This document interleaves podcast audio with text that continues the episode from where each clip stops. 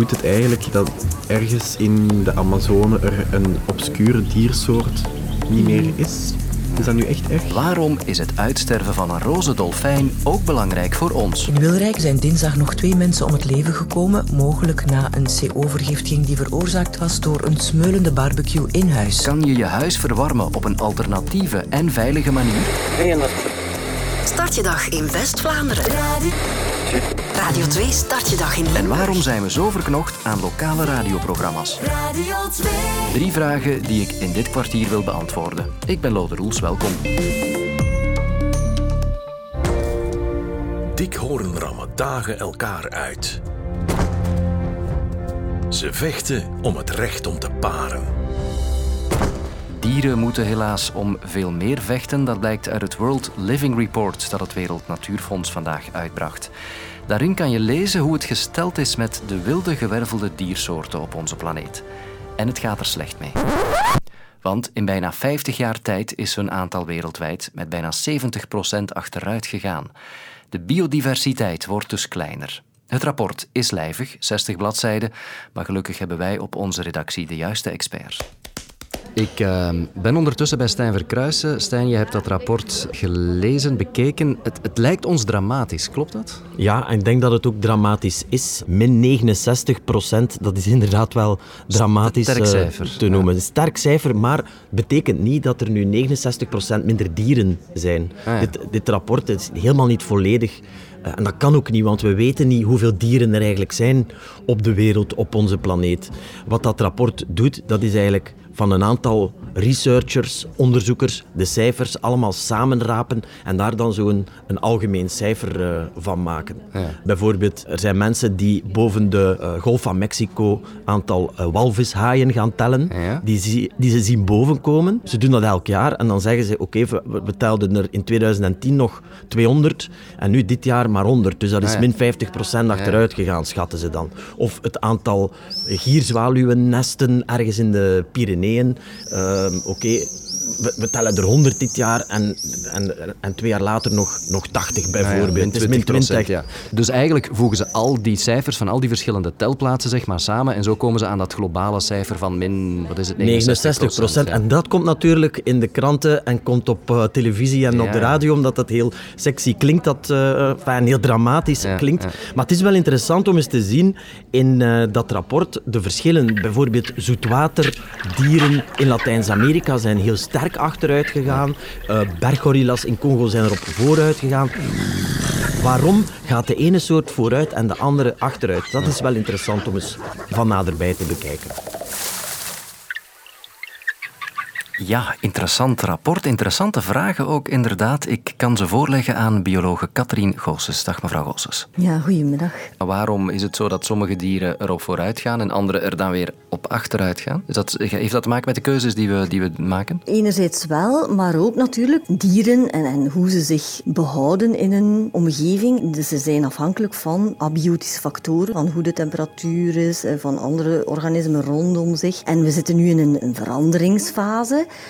En in die veranderingsfase zal je altijd organismen hebben die succesvol zijn omwille van die verandering en andere die minder succesvol zijn. De minder succesvolle eh, organismen, die dus toevallig minder aangepast zijn aan die nieuwe omstandigheden, die verdwijnen en de succesvollere die blijven behouden eh, of zullen zelfs floreren. Welke impact heeft het verdwijnen van, ik zeg maar wat, de roze Amazone-dolfijn op ons hier in België? Ja, het verdwijnen van de rivierdolfijn in de Amazone zal niet rechtstreeks een grote invloed hebben op ons specifiek. Wat we dus vaak niet beseffen als mens is in welke mate we afhankelijk zijn van de diensten die de natuur ons eigenlijk gratis leveren. En dan hebben we het bijvoorbeeld over eh, de productie van zuurstof, het zuiveren van water, het opruimen van afval.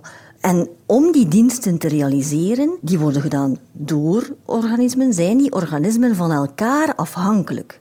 Dus concreet betekent dat als er organismen wegvallen uit dat ecosysteem, dan zijn er altijd schakeltjes van zo'n kettingreactie die niet gebeuren. En als er te veel schakeltjes wegvallen, dan zal ook het eindresultaat, namelijk het realiseren van ehm, propere lucht of vruchtbare grond, zal dat dus, dus bij gevolg ook niet meer kunnen gebeuren. En hoe zal die evolutie verder gaan? Waar gaat dit uiteindelijk naartoe? Er zijn sowieso eh, gegevens dat wanneer we het landgebruik, of dus gebruik van land en zee, reduceren 50% voor de natuur, dat dan eigenlijk de stabiliteit van zo'n ecosysteem zodanig onder druk komt te staan dat je vergelijkt naar een point of no return. Dus afhankelijk van hoe drastisch wij de gegevens die de biologen nu hebben verzameld zullen gaan ter harte nemen, zullen we dus nog kunnen zaken herstellen of helemaal niet. Want dat point of no return, en we zitten al, daar al bijna over, want we hebben geen 50% meer beschikbaar voor enkel en alleen natuur. Tijd om in te grijpen. Bioloog Katrien Goossens, dank u wel. Ik schrok toch even toen ik het nieuws hoorde vanochtend. Van twee mensen, een moeder en een dochter, zijn om het leven gekomen door een C-overgiftiging, veroorzaakt door een barbecue die in het huis was geplaatst als verwarming. Ik ben Tim Renders, ik ben eigenlijk brandpreventieadviseur en mijn enige doel is voor eigenlijk te zorgen dat België een heel stuk brandveiliger wordt. En Tim maakt zich zorgen. Ja, ik begrijp absoluut hè, dat mensen nu op zoek gaan naar alternatieven. Hè. We zitten in die energiecrisis, maar ik ben daar heel bezorgd over. En als nu de temperatuur temperaturen gaan dalen. Mensen gaan echt die goedkope alternatieven zoeken, maar dit gaat zorgen voor meer fatale woningbranden en meer slachtoffers van CO-vergiftigingen. Dus wat heel belangrijk is met een verbranding, is dat we een schoorsteen hebben dat onze rookgassen eigenlijk afgevoerd worden en dat het voldoende zuurstof krijgt. Dus let op met die verplaatsbare petroleum- en gaskachels, want die hebben dus geen schoorsteen. Die gaan hun verbrandingsgassen uitstoten in uw woning. Daardoor hebben we kans op CO-vergiftiging en ook brandgevaar bij omvallen. Als u toch gaat voor een verplaatsbaar toestel, kies voor een elektrisch. Heeft u een houtkachel, heeft u een pelletkachel, laat die absoluut goed onderhouden. Zorg dat die schoorsteen gekuist is. En dan kunnen we zorgen ja, dat we eigenlijk wel brandveilig wonen. Ik maak me zorgen om de alternatieven die nu gebruikt worden.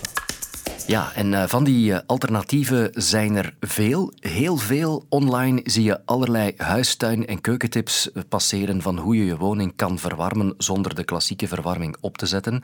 Maar zijn die wel efficiënt en zijn ze veilig? Dat zijn belangrijke vragen. Ik trok met enkele van die tips die we zien passeren online naar Stijn Verbeke, energieonderzoeker bij Energyville Vito. Hallo, meneer Verbeke. Goedemiddag. Loderoels hier vanuit de studio dacht dat ik uw stem herkende. Ja, ja, zo gaat dat met radiomensen. Hè? Mag ik u meteen iets laten horen? Hoe gaat u nou verwarmen? Nou, zo. Kijk, gaan we er eerst eentje aandoen. En dan gaat die opwarmen en dan krijg je stralingswarmte. Ja, je ziet het niet, daarom ga ik het even vertellen. Je ziet een vrouw die theelichtjes aansteekt um, en onder een, een terracotta bloempot plaatst, een soort bloempotkachel. Heb ik ook veel online zien passeren. Meneer Verbeke, is dat een goed idee of niet? Wel, als je er energiezuinig mee wilt verwarmen, dan moet ik helaas teleurstellen. Die warmte komt niet zomaar tevoorschijn getoverd omdat je er een bloempot over zet. Dus het is evenveel warmteproductie of dat je die bloempot er nu over zet of niet. Enige voordeel is misschien dat je je handen rechtstreeks aan kan warmen, maar eigenlijk ben je dan beter af met een warm waterkruik. Die kan niet in brand schieten bijvoorbeeld, want er is toch nog altijd een veiligheidsissue. Ja, dus echt veel uh, zal het niet opleveren. Laten we dan de bloempot eens wegnemen en gewoon heel veel kaarsjes branden. Zou dat helpen? Wel, ook daar ben je niet goedkoper mee af. Een, een kaarsje, een theelichtje, dat zal ongeveer 30 watt uh, gaan opbrengen. Nu, voor verwarming heb je veel, veel meer energie nodig. Zeker op een koude winterdag. Ik heb ook al zo van die goed bedoelde tips gehoord, die helaas uh, slecht geïnformeerd zijn van, van nodig enkele mensen uit en je verwarming moet niet op. Wel, ja. Op een koude winteravond heeft je living zo wel 6000 watt nodig om op temperatuur te blijven. Dus dat, dat betekent 200 kaarsjes. Ik heb het even nagerekend. Eh, ik zag net een promo passeren en 100 kaarsjes, dat kost je zo wat 6 euro. Dus 200, dat zou 12 euro zijn voor een winteravond. Wel, met je gasketel kost je dat ongeveer de helft vandaag de dag met de huidige hoge gasprijzen. Ja, om te besparen moet je het dus niet doen. Oké, dat idee van die kaarsen schrappen we. Ik zie ook heel veel dingen passeren die in de keuken kunnen gebeuren. Ik zie mensen het vuur opzetten, het kookvuur, maar dan niet gaan koken, gewoon om daar warmte mee te genereren. Is dat een goede tip? Dus efficiënter is het zeker niet, maar bovenal is het ook heel gevaarlijk, trouwens ook met die kaarsen. Hè. Je gaat zuurstof uit de lucht gaan halen En die rook die blijft gewoon in je lokaal. Dus dat is hetzelfde risico als te gaan verwarmen met een barbecue. Als je dat echt op grote schaal gaat toepassen, uh, breng je jezelf in zeer, zeer groot risico voor CO-vergiftiging. Dus absoluut af te raden. Nu we toch in de keuken staan, ik zag online ook een tip passeren die zegt dat je de, de oven kan laten openstaan nadat je iets gebakken hebt, een, een cake of een ovenschotel bijvoorbeeld. Zet een uur en tien minuten in de voorverwarmde oven en de cake is gaar. En dat dan die warmte het huis inkomt. Werkt dat of niet? Wel, dat klopt. Ja, die warmte die gaat het huis inkomen, maar ook als je die deur niet openzet, dan komt die warmte in huis hoogstens een beetje trager. Ja, ja, dus of je ze nu open laat of niet, de deur, dat maakt eigenlijk weinig uit. Nee, die energie die blijft sowieso daar in je woning, dus dat maakt niet uit, nee. Um, ja, ik moet er even van zuchten, want er zijn blijkbaar weinig echte huistuin- en keukentips die en veilig en efficiënt zijn. Wat kunnen we dan heel concreet wel doen, meneer Verbeke? Ik moet je helaas teleurstellen. De meeste van die tips zijn sympathiek bedoeld, maar gaan niet zo heel veel uithalen. Wat je beste kan doen op lange termijn is je huis erg goed gaan isoleren, warmtepomp en dergelijke meer. Maar dat nog in orde brengen voor deze winter, dat wordt wel heel moeilijk de meest gehoorde type is een beetje saai, je hoort hem overal, maar het is ook de belangrijkste, is zet je verwarming wat lager. En om het dan toch comfortabel te hebben, wel, trek een warme trui aan, ga met twee onder een dekentje tv kijken, dan heb je het toch nog comfortabel en verbruik je minder energie. Daar kunnen wij mee aan de slag. Dank u wel. Dit was vanmiddag in de mediacommissie van het Vlaams Parlement. Radio 2 is de meest beluisterde, grootste radiozender van Vlaanderen. Hè, en daar gaat vanaf begin 23 grote veranderingen uh, ondergaan. Namelijk hè, de beslissing om de regionale ochtenduitzendingen te schrappen. Die beslissing heeft vele wenkbrauwen doen fronsen. Vlaams mediaminister Dalle werd daardoor de parlementsleden aan de tand gevoeld over het schrappen van de regionale ochtendprogramma's op Radio 2 vanaf volgend jaar. Dit behoort binnenkort dus tot het verleden. Radio 2. Radio 2 start je dag in West-Vlaanderen. 7 minuten over 7, nog altijd welkom vanuit West-Vlaanderen. Radio 2 start je dag in Vlaams, Brabant en Brussel. Start je dag in Antwerpen. Goedemorgen, morgen. Start je dag in Oost-Vlaanderen, in Limburg. Goedemorgen. Radio 2. Al deze programma's zullen vervangen worden door een nationaal ochtendblok met Peter van de Veire. Daarin zal weliswaar nog regionaal nieuws zitten, maar toch waren er meteen heel felle reacties op die aankondiging. Van luisteraars, burgemeesters, provinciegouverneurs, noem maar op. En minister Dalle beseft hoe gevoelig het ligt. Ik heb uh, veel begrip voor de ongerustheid op dit moment. Het is duidelijk een thema dat uh, leeft. Natuurlijk moet tegelijk de VRT ook de kans krijgen om Ehm, de doelstellingen van de beheersovereenkomst beter te realiseren. De VRT-directie heeft mij verzekerd dat het regionaal nieuws even belangrijk of zelfs belangrijker zal blijven en dat er zelfs meer regionieuws zal uh, worden gebracht. Maar zoals ik al eerder stelde, the proof of the pudding will be in the eating. We gaan dat nauwgezet opvolgen. Ja, waarom zijn de reacties zo heftig? Waarom zijn we zo verknocht aan lokale radioprogramma's? Ik belde erover met Wilfried Vriends, al meer dan 20 jaar presentator op de Antwerpse seniorenzender Radio Minerva. U bent afgestemd op de frequentie 100.7 MHz. U luistert naar de programma's van Radio Minerva, uw zonnige zender van op het Sint-Anna-strand. Ja, ik vind, allee, ik vind dat niet abnormaal dat er zo, zo heftig op gereageerd wordt in, in alle media. Of ook de sociale media, die, die, ja, dat staat er bol van. Hè. En ik begrijp uh, vooral ook de luisteraars uh, in, in heel het uh, debat. Want die zijn zo gewend om die vertrouwde stem te horen. Ook een stem die misschien. Ja, bij ons valt dat natuurlijk heel hard op dat er dialect soms wel wat doorkomt. een hele, hele goede morgen te toegewenst. op deze dinsdag 22e mei Welkom bij de Radio Minerva Service. Het leven in de Westhoek is helemaal anders dan in Limburg. En in Antwerpen en Gent en, en Leuven, al die, al die steden, dat is, dat is een, andere mentaliteit. En als regionale presentator heb je meer voeling met die, met die uh, mentaliteit, vind ik.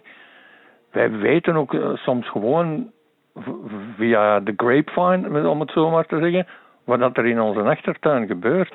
En daar kunnen we dan over praten. Dat, dat is niet, als je dat nationaal doet, gaat dat niet, dan lukt dat niet. Lieve mensen, dat was het weer al. Tot binnen drie weken. Jo, salut. En bij Minerva weten ze als geen ander hoe luisteraars gehecht zijn aan hun lokale radiostemmen. Eerder dit jaar dreigden ze hun licentie kwijt te raken aan een concurrent en meteen regende het reacties. Maar van de zomer kwam dan toch het verlossende nieuws dat ze konden blijven. Reden genoeg voor een feestelijk liedje van de Antwerpse band Viertakt. Minerva mag blijven, Minerva mag blijven. Ik word er zo blij van, ik ben er zo zacht van. Ik ben uitgezongen voor vandaag. Morgen is Sofie hier met een nieuw kwartier. Tot dan. Luister ook naar Thank You Boomer, waarin Thibaut Christiaanse uitzoekt welke artiesten we echt tijdloos mogen noemen. Nu in de app van VRT Max.